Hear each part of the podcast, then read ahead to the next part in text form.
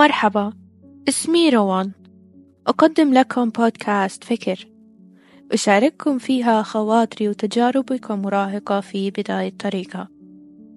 حلقة اليوم بعنوان أنت وكفى.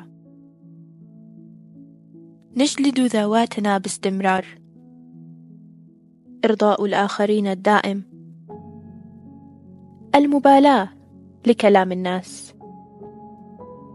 وتنسى نفسك. من أنت؟ اجابات عديدة. تتزاحم داخل عقلك. ولكنها تتركك عند نفس السؤال. من أنت حقا؟ اهتماماتك معتقداتك مبادئك كلها تمثلك أنت. تظن أن العالم يسلط الأضواء عليك. ولكنك بطل قصتك أنت. أنت الذي تعثر ألف مرة وسقط ألف مرة وطعن ألف مرة وخانته الأشياء التي آمن بها وسخر منه الحمقى وكذب عليه الناس. ولكنه ما زال صامدا هنا. تقف على كتفيه كل الحكاية. يقول ستيف ماربولي إن لم تكن أنت بطل قصتك فأنت تفتقد المغزى الأساسي لإنسانيتك. لكل منا قصة ولكل قصة حبكة.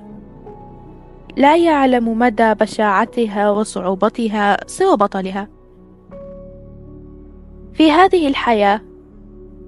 الجميع يظن أن له الحق التام بأن يحكم عليك دون النظر إلى ما كان خلف كواليس حياتك. القيل والقال من طقوس استمرارية البشر. فهم يظنون أنهم إن لم يأكلوا لحمك حيا فلن يستشعروا لذة الحياة. ولكن ماذا بعد؟ ستقف وقد رممت كسرك. تسمح لشمس سعادتك أن تشرق دون غروب وكسوف.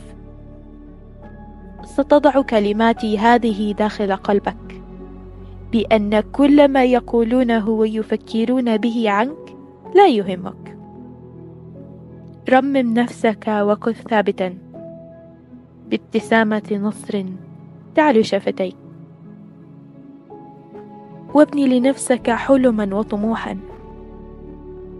والأهم كف شرك عن الناس. واجعل ذكرك جميلا. واسعى دائما أن تكون في المقدمة. أنت فقط على دراية تامة بمن تكون. بعيوبك قبل محاسنك. أنت فقط مسؤول عن نفسك عن قراراتك حقق أحلامك. لا تنتظر المساعدة من أحد لتغيير مناخ حياتك. بل اجعل لنفسك فصولا جديدة. وارسم لقلبك سماء وغيمة. لتمطر عليك املا. حب النفس تقدير الذات. مصطلحات سمعنا بها من حولنا. ولها تأثير على حياتنا بشكل عام. كل الناس يستحقون لطفك ولكن ليس أكثر منك. أنت من تسمعني. لا تربط سعادتك بوجود شخص ما. ولا تسمح لأحد بالتقليل منك بأي شكل من الأشكال. لا تستمع إلى ما يقولونه عنك. وضع حدودا لأصوات هؤلاء الساخرين.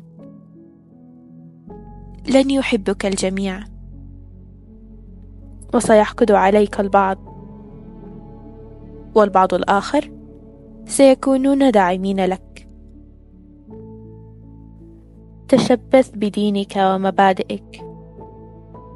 واعلم أنك قد تكون قدوة لشخص ما. لا تقف الحياة ولن تقف. سابق مضمار الحياة.